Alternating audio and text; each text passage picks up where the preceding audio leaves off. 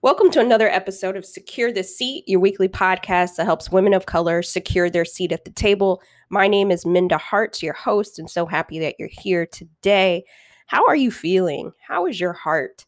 I know that if you're listening to this um, this week, the last week of March, there's a lot going on in the world, um, especially with the with the trial going on right now um, in relation to the the murder or killing of George Floyd. And um, I know it can be triggering. Um, I, I, tried watching bits and pieces of the trial, and, and it, it, definitely was something that I had to take a step back. So I, I hold space for his family, I hold space for the people who are on that. Um, on the stand telling the truth that takes a lot of courage standing with each and every one of you because something in your life may have happened that this uh, is a triggering situation. So so please protect your peace as best as you can.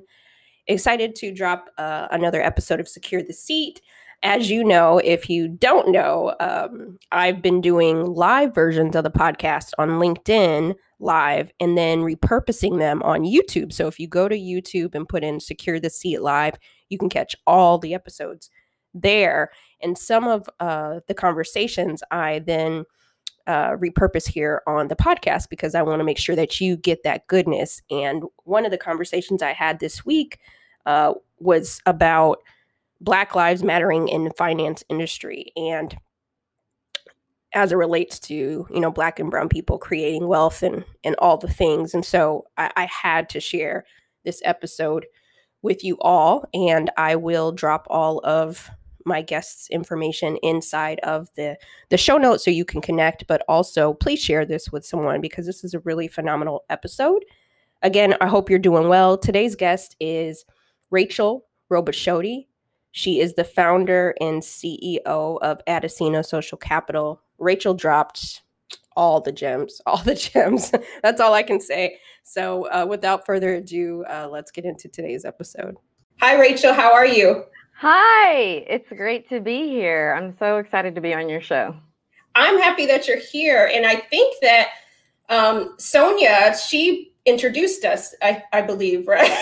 yes. And Sonia, Sonia introduced me to you initially by giving me your book. And I just immediately connected. I was like, oh, here's another Black woman speaking the truth, taking her place um, inside of uh, the economy and corporate America and, and really speaking from a seat of truth there. So I'm really excited to have this conversation.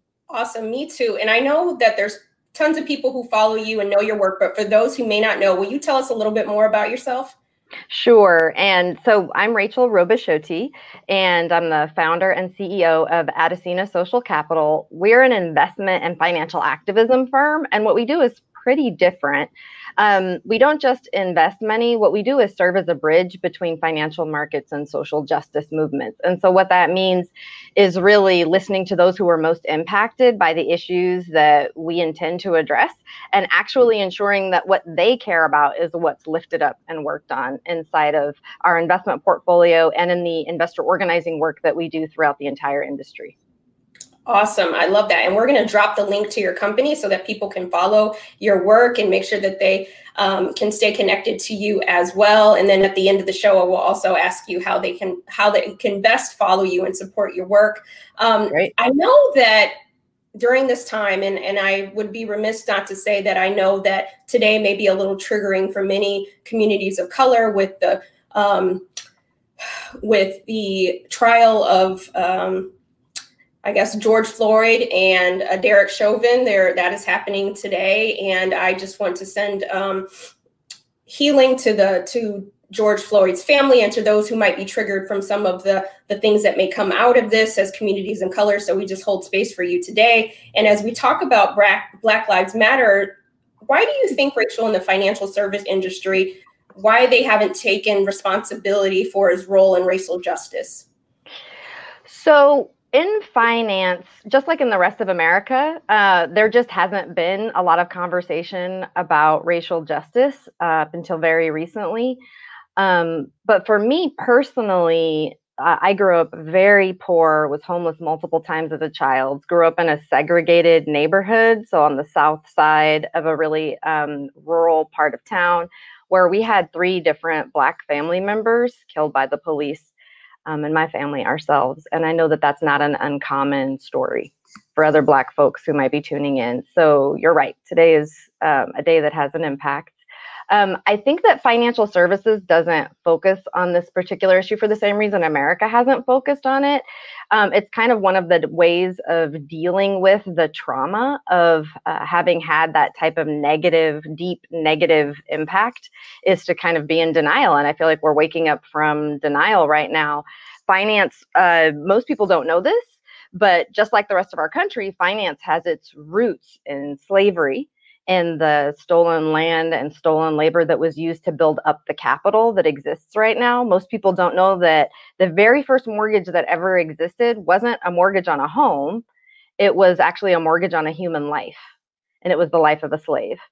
And those mortgages were turned into bonds that formed the basis of the first bond market. Uh, Wall Street was built by slaves and it can it was the primary trading center for slaves in New York as well where they were themselves traded also.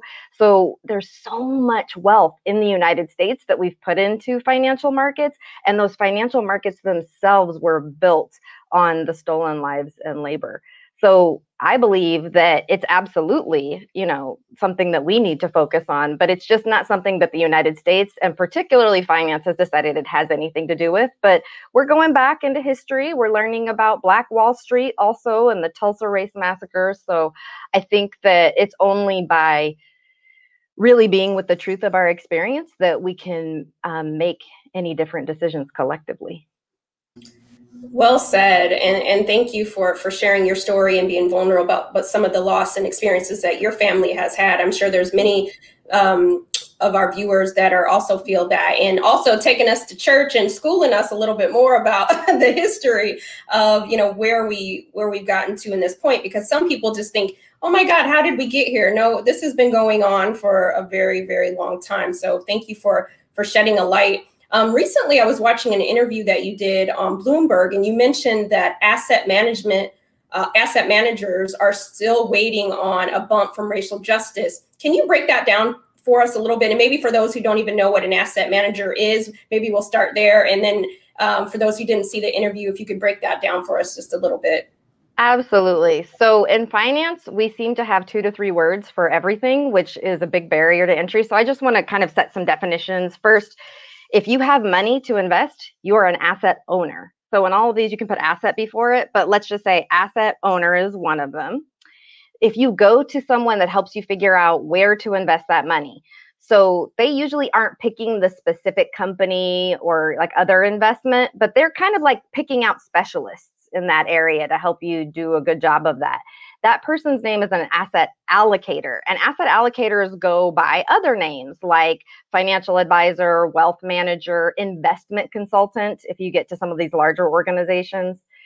And then um, those folks actually will go to specialists. And the specialists are the people that know everything about this particular market, like stocks or bonds or real estate, for example, those people are the asset managers. When you're trying to make an impact as an asset owner, um, of course, it really matters who you hire as an allocator. If you choose a black person as an allocator, you're going to more likely end up having, you know, women, people of color. It shows as one of your asset managers. But in the end, it's the asset managers that actually direct wealth. It's the asset managers that say this company, not that company, and for these reasons.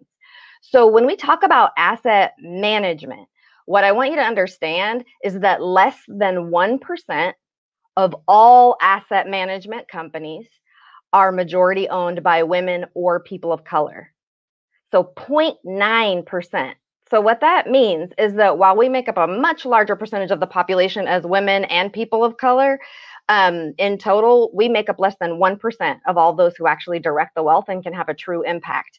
So, what I was saying in that particular interview is that that's really out of whack. And what ends up happening when you don't have women and people of color in that seat is that um, you end up with investment decisions uh, that are like that are basically have given us the world that we have now where you and i are doing this virtually because there's a global pandemic where there's massive income inequality it's really not a just, of inc- just and inclusive economy and so um, i think that the murder of George Floyd and the racial justice uprisings of 2020 really brought a lot of attention to, oh, wait a minute, how are we doing everything? How are we doing policing? How are we doing investing?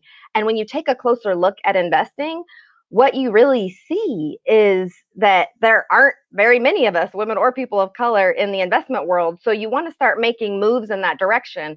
Well, we've had a tremendous number of people become interested in our work, but other um, Black and Indigenous asset managers and women that I know have said, wow, while everybody's super interested, the money hasn't actually moved. And one of the reasons is because of institutionalized sexism and racism. Um, one of the ways you only you get that kind of disproportionate concentration in the hands of a few. So, like if all the assets are are managed by um, people who are white and male, you set up a whole system of standards that says, well, if we're going to invest with you, you already have to have three years of a track record. You already have to have 200 million in assets under management. The trouble with that is that it keeps money in the hands of those that already have it. And unfortunately, that has not been in the hands of women or Black folks. So that's what I was talking about with the not really getting a bump. There's lots of interest, but power actually moves when the money moves. And so we've been working on very specifically addressing those systemic inequities. What's the system you have in place for choosing an asset manager? And we've been working on um, a reform to that, and it's actually going really well. Ooh, uh, you said so much there. I'm just like uh, trying to like think about everything that you just said, and and I I, have my tambourine because when when you speak a word, I, I love it out there um, you know, and, and how we move money is very important to your point. And so thank you for really breaking that down. So for those who may not be in the finance industry or or may not be aware of some of these things taking place, that these inequalities really do affect um, wealth creation and just um, how we uh, how we think about wealth in terms of black and brown communities and so thank you so much for that if you have any questions or comments about what we're talking about i, I see you all blowing up the the chat. So make sure that you keep them coming. I really appreciate that. Um, I want to take a couple questions from the audience, Rachel, if you don't mind. And sure. one person says that they've been following um, your career path and they appreciate. I'm, it's long, so I'm I'm uh, modifying it a bit, but they've been following. Okay. Your um, your career, and they're really thankful for how you're using your voice. And they wanted to know how did you decide to bring different pieces of yourself to the workplace where you weren't worried about what others had to say about you? Well, so just to dispel one myth, I don't think any one of us can be worried uh, or can say that we aren't worried about what others think of us. We're social creatures. But what I did pretty early in my career was I started my own firm, not because I was this huge risk taker, but because I wanted to see other women and people of color. I wanted to see a really inclusive workplace. I wanted to see um, and be spending time with folks who wanted to have an impact on the world through investing the way that I did. And unfortunately, given the makeup of our industry, that wasn't in our any of the traditional firms that existed. And so I actually had to create my own firm. And creating community is the number one thing. Like within um, uh, within my firm, within Adasina Social Capital, we are a community yes, I am the employer and my business partner is the employer and we have employees, but ultimately these are my coworkers and we actually are on a path to move to full employee ownership. I have to tell you, there's something really significant about doing work in a community. I mean, when you know that that many folks have your back, um, I, I believe that we have this myth of like the individual leader that can kind of like lead anywhere. And the idea is that you could pluck them up out of their community, put them anywhere, and they would suddenly be a great leader. And that's not true about me. And I don't think it's true about most folks. I am a product of my community, much like a wave comes up on the ocean, it has to fall back down into something, right? And that's been my community that's always been there to hold me and push me and hold me accountable. So it's not that I wasn't scared or haven't had any trouble with it. It's really that I've had an amazing community that I built very intentionally. I love that answer so much. And I often say that success is not a solo sport. So make sure that you have people you can lean on and, and have that squad. And if you don't have those people, then definitely lean on lean on us on Mondays at noon because we're here to support you in the, in the chat as well. Another question that we have here, uh, Rachel, somebody said that they're nervous about learning more about finances because the Black community has kind of a weird relationship with with wealth or money. Uh, can you dispel some of those myths? You know, I, I, I think it's very true. Um, as Lauryn Hill uh, said, kind of in contrast to a lot of the other folks in hip hop who are out there kind of talking about conspicuously consuming and spending large amounts of money, Lauryn Hill said very obviously, it's not about what you clock, it's about what you keep. And I think that that is really true. Um, that we both have and I love hip hop culture. To be clear, I love all truth telling, um, and hip hop culture is full of it. Um, but I think that we've built up this what we call like conspicuous consumption mode of being as Black folks. Like I'm doing well, I kind of want to show it, but in reality, that's really just showing how much money is flowing in. If we aren't accumulating it, then we aren't building wealth, and wealth is what we fall back on when things get hard. And so I think one of the reasons the pandemic has been so difficult for many folks is because we, you know, not only were we not able to build wealth historically um, as a Black community, wealth was actually extracted from us. Your labor is part of your wealth. Mm-hmm. Um, and that's actually something that has been historically extracted from us and kept away from us. So I actually don't think it's strange that anyone who has a long family history of being treated like property would suddenly have issues when it was time to think about securing property of their own. I mean, we have some stuff that we need to work through, but there are some wonderful coaches that are out there. Um, and before you ever get to investing, work through your spending first. That's the most important thing because what you do to invest has everything to do with how much um, you've actually managed to keep. So, yeah, get that emergency reserve and spending clear, and then we can move on to investing. Yes, first things 1st mm-hmm. Exactly. I love that, and and I love the fact that you so casually dropped in Lauryn Hill because you know that's music to to my soul. Any anybody, especially any woman who who who appreciates hip hop culture as much as I do. So thank you, Rachel, for for Absolutely. that. For, for your candid answers. Um, if you have any additional questions, we will have time to get to a couple more. So make sure that you drop them in. But the other question I wanted to ask you, Rachel, is that a lot of what we're talking about today is access, right? And sometimes as women of color, as Black women, we just don't have the access to some of these opportunities. And you help create entry points for people with non traditional backgrounds in finance. Can you tell us a little more how your firm is doing that? Absolutely. If I was going to have a firm that was filled with people of color and women, I was not going to be picking from the pool of, you know, 99% uh, folks who are white and male in our industry. So, what I really had to do very early on was look for transferable skills. So, as an employer, I had to look for transferable skills, but that's something that I want to really drop for everyone else too is like understand that there are a lot of skills that transfer over into finance. It's not just all about hard numbers and fist bumps. And actually, well, actually, I mean, it is quite a bit about fist bumps when you're rocking it. But um, it's not uh, it's not just numbers. It's actually very much about relationships and um, connecting very authentically with other people. If folks are interested in becoming one of those allocators that helps people, usually that's a, a, step before folks go into investment management or asset management.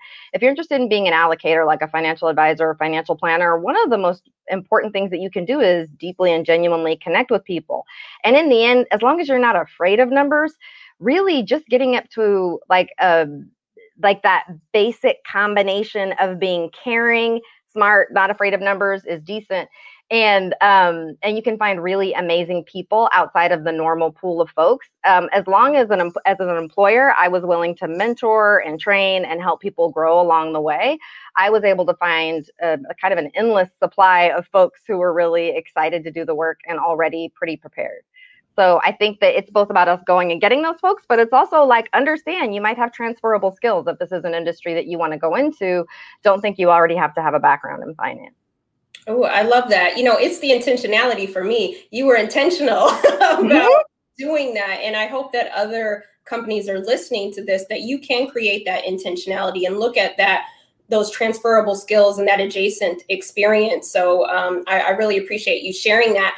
Um, unfortunately, it's time for us to move into our bonus round. These conversations go so fast, and I could talk to you all day, Rachel. But again, if you have questions, make sure you drop them in the chat so that you get a chance to ask. Um, I am a lover of grits and rap lyrics. And first, I have to ask do you like grits, Rachel?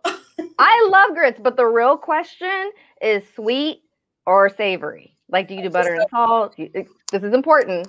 I know. Don't break my heart here. So, how do you like your grits? I like my grits with butter and eggs, actually. Okay. So, okay. I'm not a sweet grits, though as a kid, I did eat plenty of sweet grits, but I'm more of a savory grits. Yeah. Okay. Good, good, good. I love my grits with um, salt and butter, and I and when I do eat eggs, although I've been probably TMI. I haven't been eating dairy this year, so I really miss eggs. But I did eat my grits with eggs. So um, my grandmother, that's how she used to make them. So yes, oh, okay, yeah. you're still part of the squad. I appreciate oh, yeah. We're always a little with the sweet grit folks, sweet grits folks, right? We're always like, yeah. Okay. All right. Always, but but I have to ask, what is your favorite rap lyric and why? You know, I'm gonna. Um, I do think that that lyric um, by Lauryn Hill, like "It's not about what you clock, it's about what you keep," it got dropped right in the middle of um, all of these lyrics in the late 90s, early aughts that were all about, you know, what kind of shoes you were wearing, what kind of champagne you were drinking. And it just really felt like a, a piece of knowledge um, that needed to, to be dropped into the scene uh, Lauryn's actually one of my favorite artists. I don't know if you've heard Black Rage, which is kind of an iffy thing to talk about, but it's to the tune of my favorite things, you know, and it's uh it's a pretty kind of like haunting set of lyrics that was re-released um in 2014 uh, after the Ferguson um, and Michael Brown incident. Um, so it goes like Black Rage is founded on blatant denial, squeezing economic subsistence survival. If you haven't heard it, like find that on YouTube. The images and the um, the images and the song rap are uh, very compelling. That's very that's what I'm with these days. Black Rage. No, I have not heard that one, so we'll definitely have to check that out. Uh, thank you for sharing that. Anything Lauryn is good. I, I my next book uh, is called Right Within from her How You Gonna Win If You Ain't Right Within.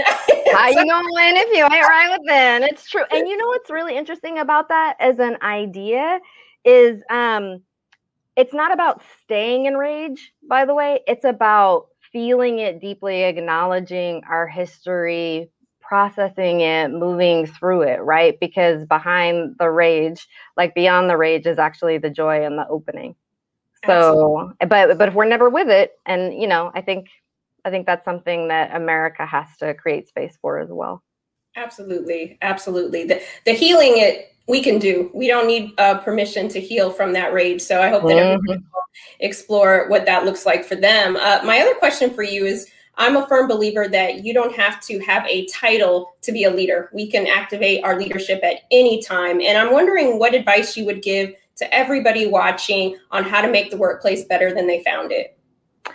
I would say do as much as as you can and I really try to do as much as I can to be both truthful and loving. And I think that you get in trouble when you go to either end of those extremes. If you're all truth and no love, you're just offensive. Like you actually have to understand that um, what you're saying is going to show up in a particular environment and be sensitive to that. And if you're all love and no truth, it's again like you aren't actually giving people the real information, right, that they need. And I think one of the biggest ways of showing leadership is to really stand in the center of that truth and you know that love at the same time.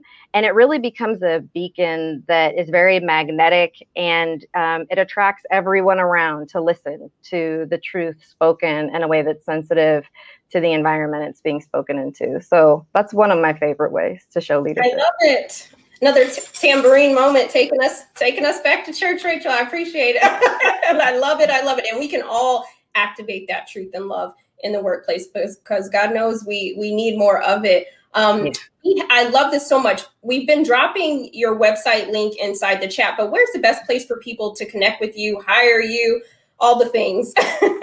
so, all these folks, the investors, advisors, social justice advocates, can keep up with our initiatives by subscribing to our newsletter. The best way to do that is to text justice to 55444 um, to sign up.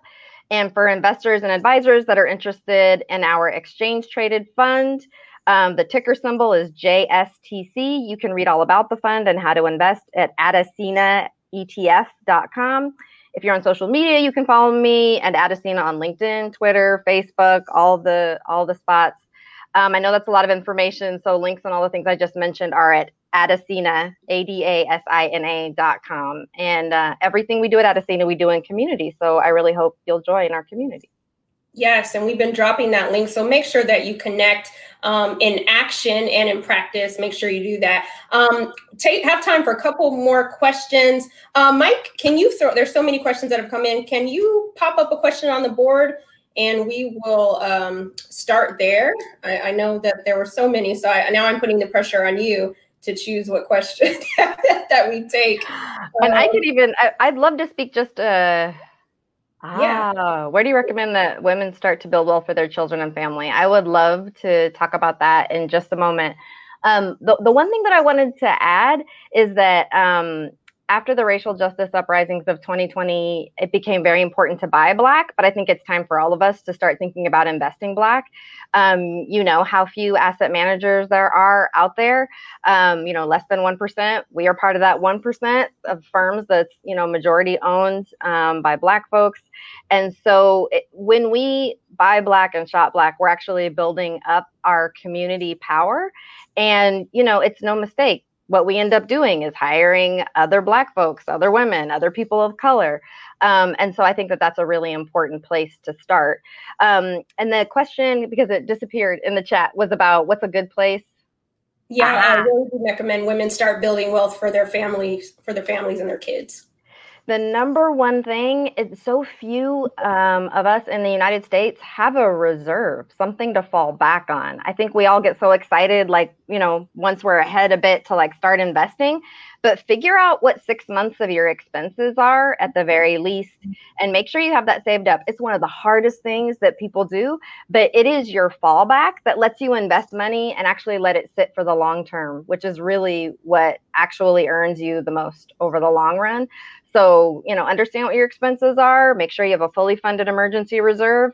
And then if you start investing, invest in a really broadly diversified fund. Um, like our fund is um, meant to be one that can be a core strategy um, because it is broadly diversified over 800 different stocks. So, yeah, you don't have to put all of um, your money in one particular investment. You can do it in a way that's a bit smarter. Oh, I, I, love that. Um, to remind us that it's not just buy black, but invest black. And that's mm-hmm. very, very important because I think um, it's time to create this ecosystem of community in every different kind of facet mm-hmm. of industry and life. And so I, I appreciate um, all of that. One other question that we have here Who has inspired you the most uh, as a finance professional? Oh, it's so interesting. Um, but it's it, not anyone um, in finance because we haven't really been in finance. Um, the the person that it, that inspires me the most is the Reverend Dr. Martin Luther King Jr. Still, talk about that combination of love and truth and being outspoken. You know, in the end, he actually was a finance person. He was going for, you know, civil rights, and he had just moved into working um, on the first Poor People's Campaign. Um, which has revived itself. So if y'all are interested, check out the, the new Poor People's Campaign. Um, but it was all about building solidarity across Black and white communities, really building solidarity so that everyone had enough and that wealth wasn't so concentrated. In the end, racism hurts white people as much as it hurts black folks and not just because you're somehow morally panged because literally it's used as the excuse it's used kind of like it's it's what's been given out to the poor white folks that will allow racism to kind of continue um, instead of actually um, more equally distributing wealth. And so in the end, he was a financial activist, and I follow in his footsteps. Absolutely. And, and you know, there you, you touched on a few things, but uh, one most importantly, I think that I, I hope becomes a larger context of conversation out there in those internet streets is that um, racism, it hurts poor white people too. You know, it hurts white people too, mm-hmm. and those sorts of things. It's not um, just only, you know, toward the black or brown communities and communities of color, but um, it affects it. You see it with the voting rights, right? It's not just yep. going to affect um, black people. Um, it, it, affects if it affects us, it affects this entire country. and if you check out that new Poor People's Campaign, which is led by the Reverend Dr. William Barber, who is a friend, um, and uh, someone else that I um, work in community with, it's it's interesting where the voting rights are impacted by racist legislation all of this economic inequality and a, a, whole host of other things come in behind it that really hurt poor people and most poor people in the united states just by pure population are white. So it's just it's a very interesting thing to start kind of really learning like the history again so that it can inform the choices that we're making in the present Absolutely. This has been so good, Rachel. I just want to say thank you for for giving us truth and love on today's Secure the Seat Live. I'm going to leave you with the opportunity just to and pour just a, a couple more drops uh, on our audience before they leave. If there are any final words that you want to give them as they go into the rest of their week. Absolutely. Um, whoever you are, wherever you are um, out there, just understand that we are in a unique moment. We're in a moment of moving from an extractive way of interacting with the world. So, extractive of women, extractive of Black folks, extractive of people of color, because we're all steeped in this idea that there isn't enough, that we're in scarcity. And so, you have to extract from other folks. And those who have less power are the ones that are first extracted from. We are in a unique moment right now, given the climate crisis, the economic crisis, the health crisis that we are in, to shift.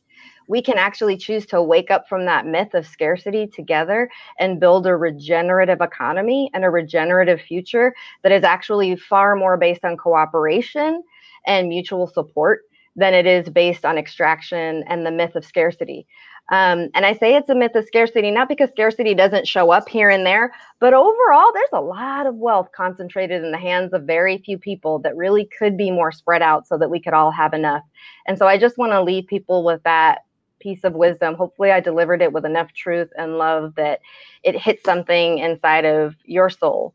Um, take every advantage that you have to move toward the narrative of the regenerative future um, and to wake up from that myth of scarcity. Yes, Whew, yes, amen, amen. Let us wake up uh, out of this myth of scare. I mean, it, it's a myth. You know, there is mm-hmm. more than enough for all of us, but we have to all subscribe to collectively moving forward and investing in each other's success and in the future of the next generations. What did I tell you? I, I try to never steer you wrong. You are my squad. I never try to steer you wrong. Okay.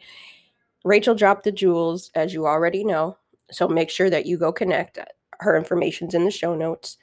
She said so many things, but something that I, I can't stop thinking about from our conversation was don't just buy black, but invest black. So when you're thinking about investing, think about the the companies that you're investing with, think about even your financial planners, all of the things, right? Um, it is so important. And so let's continue to build upon the ecosystem that benefit all of us and create larger tables for us all to sit at. So, uh, sending you lots of love this week. Be well. If you haven't had a chance, please go and pre order my new book. It's out this fall called Right Within How to Heal from Racial Trauma in the Workplace. And we all have some baggage we've been carrying, and it's time to heal. Uh, you can go wherever you like to buy your books and pre order that book. Let's make a splash. Let's signal to these workplaces that um, racism inside the workplace is not okay. it never will be okay. But most importantly, we got to heal uh, because that's the part of the equation we can control. So, reminder to you if you haven't had a chance, go over to wherever you like to listen on the podcast, leave a rating or a review so others can find us. And then if you're not signed up on my newsletter, go to mindaharts.com. And lastly, if you are not rocking with me over on LinkedIn on Mondays at noon, go on over to LinkedIn, put in Minda Harts, and hit the follow button and join us for the live show every Monday. Wishing you nothing but love and keep securing your seat.